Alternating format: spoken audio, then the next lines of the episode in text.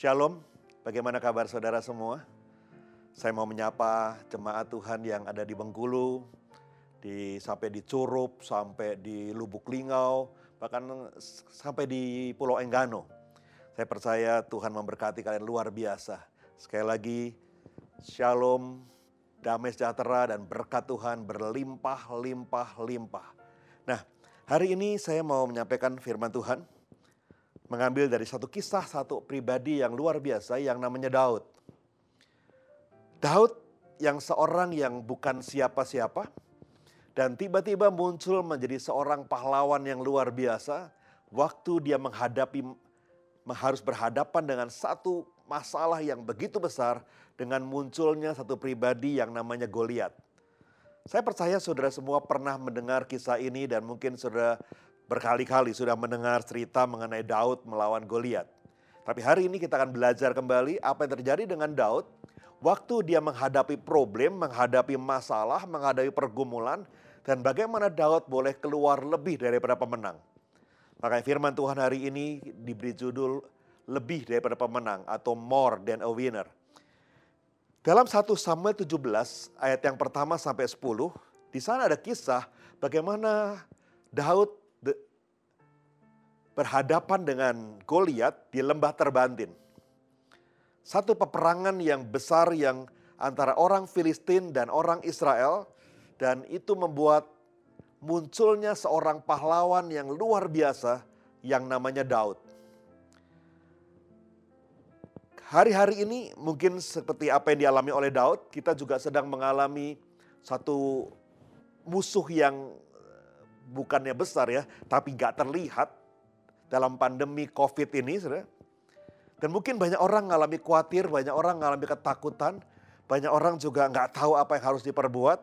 Tapi saya percaya, saya percaya, saya mau sampaikan pada hari ini buat saudara, rencana Tuhan buat kita itu bukan kita mengalami kecelakaan, mengalami kehancuran. Tapi rencana Tuhan buat kita, pada akhirnya kita semua keluar lebih daripada seorang pemenang. Yang setuju dengan saya sama-sama katakan, amin. Ada berapa sikap Daud yang akan kita pelajari hari ini bagaimana Daud pada akhirnya muncul lebih daripada seorang pemenang. Waktu Daud datang ke perkemahan orang Filistin, nah, orang orang Israel dan melihat orang Israel sedang menghadapi tentara Filistin yang luar biasa. Dan orang-orang Israel sedang mengalami ketakutan yang lu, dan juga uh, Raja Saul bersembunyi 40 hari di kemah. Maka mulai melihat bahwa ini ada sesuatu yang salah. Ada sesuatu yang nggak benar. Dan Daud mulai mengambil satu sikap di sana. Dan walaupun sikap ini mungkin dia antara orang Filistin, orang-orang Israel dianggap sesuatu sikap yang sembrono. Bahkan kakak-kakaknya berkata, eh udahlah kamu pulang aja ngapain kamu di sini. Tapi Daud punya ketetapan, Daud punya sikap yang luar biasa. Yang akhirnya menjadikan orang Israel bersorak-sorai karena mereka meraih kemenangan yang luar biasa. Saya berdoa di akhir pandemi ini kita akan bersorak-sorai karena kita melihat rencana Tuhan buat anak-anaknya ada rencana Tuhan yang dahsyat. Sikap pertama daripada Daud waktu menghadapi peperangan melawan orang Filistin. Dalam 1 Samuel pasal yang ke-17 ayat yang ke-11 saya bacakan buat saudara dan juga menyambung ayat yang ke-32. Ketika Saul dan segenap orang Israel mendengar perkataan orang Filistin itu, maka cemaslah hati mereka dan sangat ketakutan. Berkatalah Daud kepada Saul, "Janganlah seorang menjadi tawar hati karena dia. Hambamu ini akan pergi melawan orang Filistin itu." Surah yang terjadi dengan orang Israel waktu mereka harus berhadapan dengan Goliat dan pasukan orang Filistin? Maka dikatakan Saul dengan segenap pasukannya mengalami ketakutan yang luar biasa. Bahkan Saul bersembunyi di kemahnya 40 hari lamanya. Tapi waktu Daud harus menghadap Saul, Daud tuh berkata begini, janganlah seorang menjadi tawar hati. Biar hamba yang menghadapi orang Filistin ini. Wow saudara, luar biasa. Di tengah-tengah pahlawan-pahlawan Israel yang sedang mengalami ketakutan, muncul satu pribadi yang namanya Daud yang berkata, jangan takut, jangan tawar hati, biar hamba yang lawan orang Filistin ini. Amsal pasal 24 ayat yang ke-10 katakan begini. Jika engkau tawar hati pada masa kesesakan, kecillah kekuatanmu. Saya nggak tahu apa yang sudah alami di hari-hari pandemi ini, saudara. Mungkin di awal-awal bulan-bulan pertama pandemi ini, banyak orang mengalami tekanan, banyak orang mengalami stres, ketakutan, khawatir, rasanya nggak tahu apa yang harus dihadapi, saudara. Semua rasanya blank, saudara. Yang bisnis, yang usaha, yang kerja, semua mengalami satu seakan-akan masa yang ini ini ini mesti gimana? Nggak ada harapan nggak ada nggak ada sesuatu yang menjadi tuntunan buat mereka untuk apa yang harus mereka kerjakan rasanya nggak tahu mesti berbuat apa di hari-hari itu tapi Daud muncul di tengah-tengah orang Israel berkata jangan takut jangan tawar hati. Saudara, waktu kita tawar hati, menghadapi masalah, menghadapi pergumulan, maka firman Tuhan katakan, kecillah kekuatan saudara. 1 Tesalonika 5 ayat 16 katakan, justru dalam saat-saat seperti ini, bersukacitalah senantiasa. Saya ingat di bulan Maret, awal-awal pandemi ini terjadi, saudara, di mana rasanya kita belum pernah yang ngalami peristiwa seperti itu, saudara. Semua jadwal, agenda, kegiatan semua stop, saudara. Di rumah saja, ibadah-ibadah dihentikan, pertemuan-pertemuan dihentikan, dan rasanya nggak bisa ketemu siapa-siapa, hanya tinggal di rumah. Keluar rumah pun kadang-kadang takutnya luar biasa. Itu hari-hari kalau buat saya, saudara. Hari-hari pertama itu hari-hari yang bilang gini, Waduh terus mau ngapain ya? Di rumah aja nih, terus terus ngapain di rumah aja? Sehari, dua hari, tapi lama-lama ngapain di rumah? Jadi tiap kali bangun pagi rasanya itu tekanan begitu berat saudara. Rasanya nggak tahu apa yang harus diperbuat itu rasanya satu hari-hari yang di mana nggak tahu apa yang mesti diperbuat hari itu. Dan saya ingat masa-masa seperti itu saudara. Apa yang saya kerjakan setiap hari. Saya tumpang tangan dari kepala sedia berkata, damai sejahtera. Biarlah roh ketakutan, roh kekhawatiran, roh tawar hati diangkat, dicabut, diganti dengan damai sejahtera yang berlimpah-limpah. Diurapi dengan damai sejahtera yang berlimpah-limpah. Hampir beberapa hari saya tumpangi tangan kepala sendiri sehingga lambat lambat laun saudara damai sejahtera itu mulai kembali, mulai kembali, mulai kembali. Yohanes pasal 10 ayat yang 10 katakan pekerjaan si iblis itu mencuri, mencuri, membunuh, dan membinasakan. Dia mulai dari mencuri damai sejahtera saudara. Dia mulai mencuri pada sukacita saudara. Dia membuat saudara tawar hati. Dia membuat saudara khawatir. Saudara membuat saudara takut. Tapi Yohanes 10 ayat 10 bagian B katakan Tuhan Yesus datang. Dia datang memberikan kehidupan. Kehidupan yang berkelimpahan. Hari-hari ini saya bilang buat saudara. Patahkan semua tawar hati karena waktu kau tawar hati, kecillah kekuatanmu. Tapi waktu kau bersuka cita, penuh dengan sukacita dan damai sejahtera, maka akan keluar lebih daripada seorang pemenang. Yang setuju sama-sama katakan, amin. Yang kedua, saudara, apa sikap yang kedua daripada Daud? Dalam 1 Samuel 17 ayat yang ke-25, firman Tuhan berkata begini, Berkatalah orang Israel itu, Sudahkah kamu lihat orang yang maju itu? Sesungguhnya ia maju untuk mencemoohkan orang Israel. Orang yang mengalahkan dia akan dianugerahkan raja kekayaan yang besar. Raja akan memberikan anaknya yang perempuan kepadanya dan kaum keluarganya akan dibebaskan dari pajak di Israel. Saudara, Daud melihat masalah yang orang lain berkata ini masalah yang besar, ini pergumulan yang besar, ini musuh yang besar. Tapi justru Daud melihat di balik tantangan yang muncul dengan munculnya Goliat, di sana ada kesempatan yang besar. Hari-hari ini apa yang sudah lihat di tengah-tengah pandemi ini? Masalah atau kesempatan, saudara? Saya ingat beberapa tahun yang lalu sudah cukup lama, saudara. Saya pernah mengikuti satu training, equipping dari John Maxwell, saudara, leadership training, saudara. Dan ada salah satu kisah yang disampaikan oleh Bapak John Maxwell yang sangat menarik dan tidak pernah saya lupa. Ini kisah yang sudah sangat populer, tapi nggak apa-apa, saya ceritakan lagi buat saudara hari ini ya. Bagaimana seorang uh, pengusaha di London, saudara, satu ketika mengirim uh, salesman-nya, bagian marketingnya untuk pergi ke Afrika untuk membuka toko sepatu di sana. Jadi dia utus stafnya untuk berangkat ke Afrika dan buka toko sepatu di Afrika. Salesman ini dengan semangat dia berangkat ke Afrika, ke satu kota, satu negara di Afrika, dan untuk mempersiapkan pembukaan sebuah toko sepatu. Tapi apa yang terjadi, saudara? Waktu dia sampai di Afrika, dia melihat dan satu, dua, tiga hari dia di kota itu, dia melihat hampir seluruh penduduk di sekitar itu tidak pakai sepatu, saudara. Lalu dia mulai berpikir, ngapain gue buka, buka toko sepatu di sini? Sebentar juga tutup. Orang semua nggak ada yang pakai sepatu. Orang-orang sini nggak biasa pakai sepatu. Buat apa buka toko sepatu? Dia telepon bosnya, bos saya pulang aja deh ke London lagi. Percuma, udah nggak usah buka toko sepatu di sini. Ini orang-orang sini nggak ada yang pakai sepatu. Kalaupun kita buka toko sepatu, percuma nggak ada yang beli sepatu. Akhirnya dia minta izin untuk pulang ke London. Saudara. Bulan depannya, bosnya kirim lagi orang lain. Saudara staff yang lain lagi, staff marketing juga.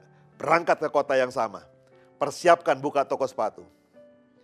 Waktu staff yang kedua ini berangkat sampai di sana, saudara, sama. Dia melihat juga semua orang gak pakai sepatu, saudara. Kayak begitu dia melihat semua orang gak pakai sepatu, dia langsung telepon lagi bosnya.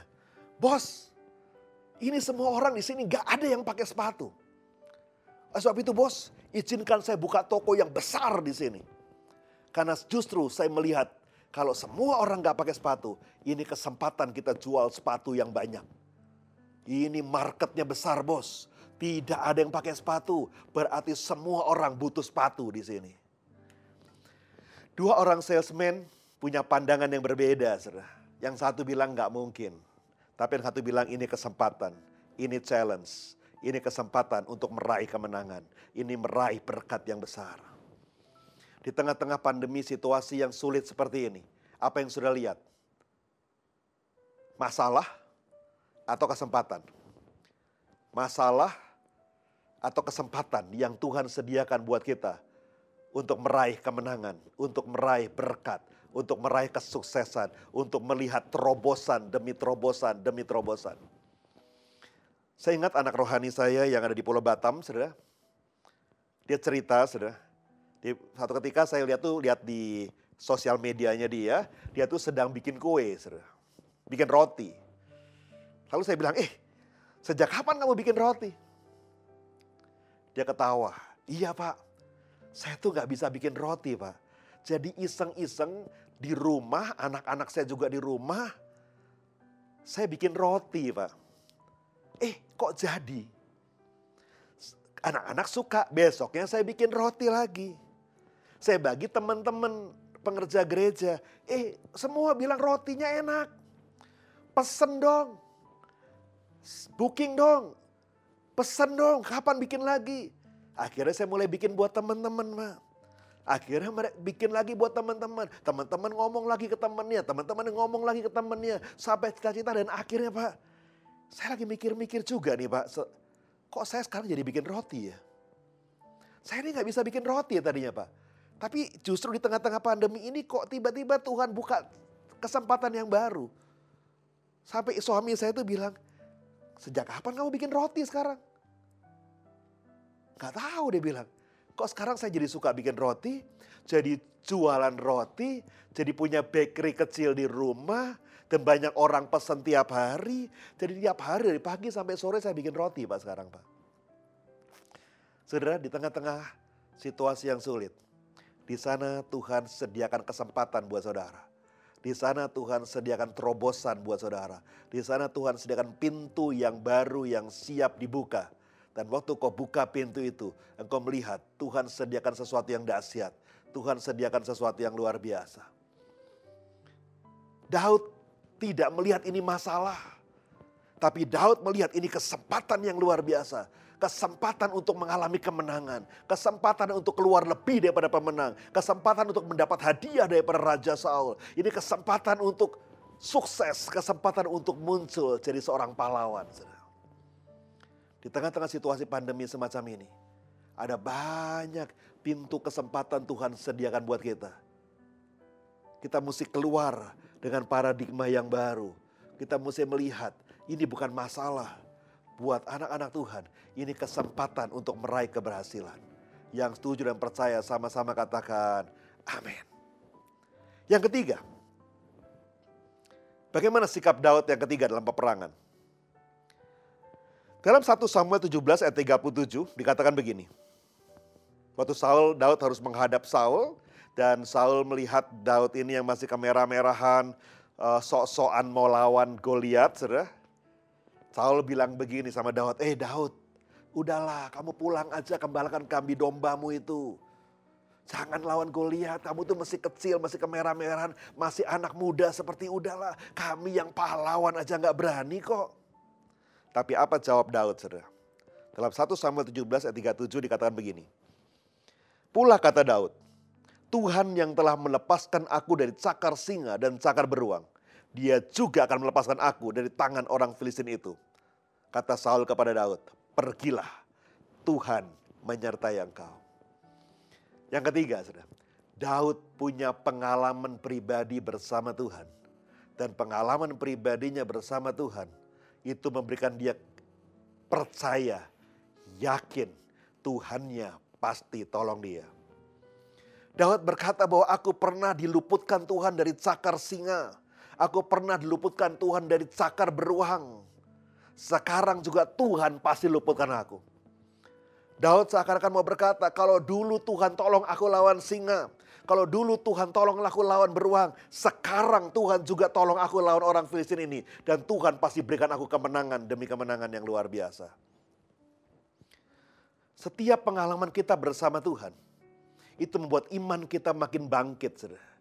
Dan yakin Tuhan tidak pernah tinggalkan kita sendirian. Saya ingat satu ketika datang sepasang suami istri datang ke tempat saya ke kantor saudara untuk konseling. Dia minta didoakan karena dia sedang menghadapi masalah dalam bisnisnya. Dia pedagang emas saudara dan singkat cerita emasnya dibawa lari oleh teman dekatnya. Dan tidak dibuat surat-surat perjanjian saudara. Jadi temannya bawa barang dagangannya dia, nggak bikin surat uh, pengambilan surat serah terima dan tiba-tiba temannya ini kabur, saudara. Wah, dia stres berat, saudara. Dia stres berat. Datang Pak, doain kami Pak. Ini gimana ya Pak? Ini kami bisa tutup Pak. Kami nggak bisa usaha, ini nggak bisa gaji karyawan, kami bisa bangkrut dan lain sebagainya. Wah, stres berat, saudara. Lalu saya kami konselingin, kami kuatkan dia. Tuhan pasti berikan jalan keluar, Tuhan pasti bisa tolong. Iya tapi Pak, ini berat Pak, ini aduh kami nggak tahu mesti berbuat apa lagi. Oh itu orang kabur, kami mau cari ke mana juga sudah telepon, dicari nggak dijawab Pak. Dicari di rumahnya nggak ada, di keluarganya nggak ada yang tahu. Dagangan kami itu juga sebagian orang investasi di tempat kami Pak. Itu bukan uang kami semua, itu sebagian uang orang lain juga. Yang titip di tempat kami. Saudara stres, saudara. Lalu saya tanya sama dia, ya sudah, saya juga nggak tahu mesti berbuat apa. Saya hanya bisa doakan, bisa kuatkan kalian berdua. Tapi saya mau tanya, kalian punya pengalaman gak sih pernah ditolong Tuhan? Dia mikir sebentar, bilang, oh iya pernah pak. Kira-kira 3, 4, 4, 5 tahun yang lalu lah pak kira-kira kami juga pernah ditolong Tuhan Pak. Wah itu mujizat itu Pak. Gimana tuh ceritanya? Hampir mirip-mirip Pak. Barang dagangan kami juga dibawa lari orang Pak. Oh ya? Terus gimana? Wah luar biasa loh Pak. Itu barang dagangan kami nggak kembali Pak. Orangnya juga nggak ketemu Pak. Yang bawa lari itu. Ini orang memang terlalu baik saudara jadi terlalu percaya dengan teman-temannya, temannya bawa barang dagangannya dia, nggak bikin surat perjanjian karena saling saking percayanya, tapi bolak-balik ditipu orang. Orang ini pergi pak, lari pak. Tapi Tuhan bikin mujizat pak. Lewat berbisnis saya yang lain, lewat kesempatan yang lain, tiba-tiba Tuhan kembalikan berkat tuh, wah apa, itu berlipat, lipat, lipat, lipat, lebih daripada apa yang dibawa lari orang Pak. Saya bilang sama dia, nah kalau begitu enak kan? Kalau dulu Tuhan pernah tolong kamu, masa ragu sekarang Tuhan tolong kamu? Kalau dulu Tuhan pernah tolong, sekarang juga Tuhan pasti tolong. Tapi beda Pak. Loh, beda gimana saya bilang. Kan sama-sama. Dulu Tuhan pernah tolong, ya sekarang juga Tuhan pasti tolong. Tapi beda Pak. Dulu itu yang lima tahun yang lalu Pak, itu barang dagangan saya yang dibawa lari orang kira-kira nilainya sekitar 15 juta Pak. Tapi kalau yang ini sekarang ini Pak, kasus yang sekarang, ini kan hampir 300 juta lebih Pak. Beda Pak. Saya bilang, oh gitu ya. Beda ya. Dulu 15 juta, Tuhan tolong. Sekarang 300 juta, beda ya. Iya beda Pak. Kan beda Pak 15 sama 300. Iya, iya, iya. Saya bilang beda ya, beda, beda. 15 juta, Tuhan gampang tolong. 300 juta, Tuhan pikir-pikir dulu. Karena uangnya terlalu, jumlahnya terlalu nominal, terlalu besar ini. Saya bilang, Pak, Bu, buat Tuhan. 15 juta, 300 juta, mau 2 miliar sekalipun, tidak ada masalah buat Tuhan. Kalau Tuhan mau tolong, Tuhan sanggup tolong. Kita punya Allah yang gak terbatas. Kita punya Allah yang terlalu dahsyat. Kita punya Allah yang menciptakan langit dan bumi. Seluruh alam semesta itu miliknya dia. Kalau dia mau tolong, dia pasti tolong. Daud berkata, dulu Tuhan tolong aku lawan singa. Dulu Tuhan tolong aku lawan beruang. Kalau dulu Tuhan tolong aku lawan singa, lawan beruang. Sekarang juga Tuhan masih tolong aku lawan orang Filistin ini. Daud punya iman, Daud punya percaya karena dia punya pengalaman pribadi bersama Tuhan. Dan setiap pengalaman-pengalaman pribadi kita bersama Tuhan itu menambah kekuatan kita, menambah iman kita makin bangkit, makin bangkit, makin kuat bersama dengan Tuhan. Saudara, saya ingat waktu awal-awal pandemi COVID ini, di mana kita semua sedang bingung, saudara. Tiba-tiba ada seorang teman kirim, uh, bukan kirim ya, dia posting di sosial medianya dia. Dia bilang gini, dia tulis di posting di media sosial media. Saya ingat itu postingannya dia, walaupun saya cari lagi sudah hilang tadi. Dulu waktu ada virus SARS, Tuhan tolong kita, Tuhan luputkan kita. Sekarang muncul COVID, Tuhan juga pasti luputkan kita. Saya bilang, yes, thank you Lord. Terima kasih Tuhan. Dulu SARS, Tuhan luputkan kita. Sama-sama virus, saudara. Sama-sama gak ada obatnya juga, saudara. Sekarang COVID, Tuhan juga pasti luputkan kita. Saya nggak tahu pergumulan apa yang sedang saudara hadapi. Masalah apa yang saudara sedang hadapi hari-hari ini. Tapi saya mau bilang buat saudara. Kalau dulu Tuhan pernah tolong saudara waktu engkau sakit.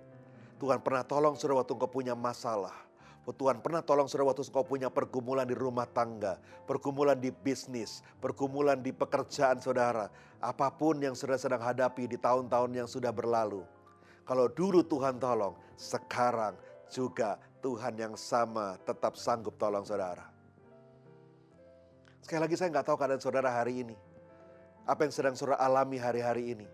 Pergumulan apa yang ada dalam hidup saudara hari-hari ini. Tapi engkau punya Tuhan yang dahsyat Waktu Daud harus menghadapi tekanan yang besar. Yang Saul saja seorang raja Israel ketakutan. Bersembunyi dalam kemah 40 hari. Tapi Daud melihat itu. Dan Daud berkata yang pertama, jangan tawar hati. Jangan tawar hati. Yang kedua, Daud melihat kesempatan bukan masalah. Dan yang ketiga, Daud punya pengalaman bersama Tuhan. Dan Daud percaya kalau dulu Tuhan tolong dia, sekarang juga Tuhan tolong dia. Apa pun masalahmu hari ini, kalau dulu Tuhan tolong saudara, sekarang juga Tuhan pasti tolong saudara. Saudara kasih Tuhan, saya nggak tahu apa yang saudara sedang gumulkan hari ini. Sementara kau dengarkan firman Tuhan hari ini, saya nggak tahu apa yang menjadi masalah saudara, apa menjadi pergumulan saudara. Tapi coba ingat-ingat, Pernahkah saudara punya pengalaman bersama Tuhan? Di mana Tuhan pernah tolong saudara dulu? Ada berapa banyak saudara yang pernah waktu sakit dan Tuhan sembuhkan saudara? Ada berapa banyak saudara yang waktu mengalami tekanan yang berat dan Tuhan berikan jalan keluar buat saudara? Ada berapa banyak saudara yang mungkin punya masalah di rumah tangga, rasa masalah di pekerjaan, masalah ekonomi, dan rasa sudah sudah sudah hampir aja nyerah dan tidak sanggup berbuat apa-apa. Tapi tiba-tiba pertolongan Tuhan datang tepat pada waktunya. Hari ini saya mau bilang buat saudara, dengar, apa pun masalahmu hari ini, apa pun pergumulanmu hari ini, kalau dulu Tuhan tolong saudara, sekarang Tuhan yang sama Tuhan yang dahsyat, Tuhan yang luar biasa juga pasti sanggup tolong saudara. Amin. Amin saudara. Dia Allah yang tidak terbatas. Dia Allah yang tidak terbatas. Dia Allah di atas segala Allah. Allah yang maha dahsyat. Allah di atas segala ombak masalah kita. Allah di atas segala ombak pergumulan kita. Saya akan berdoa buat saudara pada hari ini. Mari tutup matamu di hadapan Tuhan. Sekali lagi saya nggak tahu apa yang menjadi pergumulan saudara, apa yang menjadi masalah saudara. Tapi kalau ada saudara yang punya masalah, punya pergumulan, entah sakit penyakit, masalah keluarga, masalah ekonomi, masalah pekerjaan, masalah apa pun yang menekan saudara dan rasanya sudah hampir nggak kuat. Di mana pun sudah berada saat ini, entah itu di Bengkulu, di Pulau Enggano sekalipun, di mana pun juga saudara, di seluruh Sumatera, bahkan mungkin ada saudara yang dari Jawa, mungkin ada saudara yang dari Kalimantan, atau bahkan dari luar Indonesia sekalipun yang mendengarkan siaran ini hari ini. Mari, kalau engkau punya masalah yang engkau butuh didoakan, angkat tanganmu di hadapan Tuhan. Di tempat engkau berada, angkat tanganmu. Angkat tanganmu di hadapan Tuhan. Angkat tanganmu di hadapan Tuhan. Angkat tanganmu di hadapan Tuhan. Oh ya basyama takuria bakasyakanam. Bapak engkau melihat setiap tangan-tangan yang terangkat ya Tuhan. Engkau melihat setiap tangan-tangan yang terangkat ya Tuhan. Engkau melihat pergumulan pada anak-anakmu. Roh Kudus hamba berdoa. Hamba berdoa. Biarlah pertolonganmu datang buat anak-anakmu ya Tuhan. Di rumah-rumah di mana mereka berada. Pertolonganmu datang buat mereka ya Tuhan. Pertolonganmu datang buat mereka ya Tuhan. Yang sakit kau sembuhkan ya Tuhan. Yang punya masalah rumah tangga, masalah bisnis, pekerjaan, usaha. Kau berikan jalan keluar ya Tuhan. Masalah apa pun yang anak-anakmu sedang hadapi, hamba percaya tidak ada yang terbatas buat engkau Allah yang dahsyat. Engkau Allah yang sanggup menolong mereka. Oh, pertolonganmu datang saat ini Tuhan. Yang sakit sembuh dalam nama Tuhan Yesus. Masalah rumah tangga, masalah bisnis pulih. Sembuh dalam nama Tuhan Yesus. Oh masalah ekonomi sembuh dalam nama Tuhan Yesus. Dan anak-anakmu akan mengalami terobosan demi terobosan demi terobosan. Kemenangan demi kemenangan demi kemenangan. Sehingga pada akhirnya mereka semua keluar lebih daripada pemenang. Oh terima kasih Tuhan Yesus. Terima kasih Tuhan Yesus. Haleluya. Haleluya. Mari sama-sama kita katakan. Amin. Tuhan memberkati saudara semua.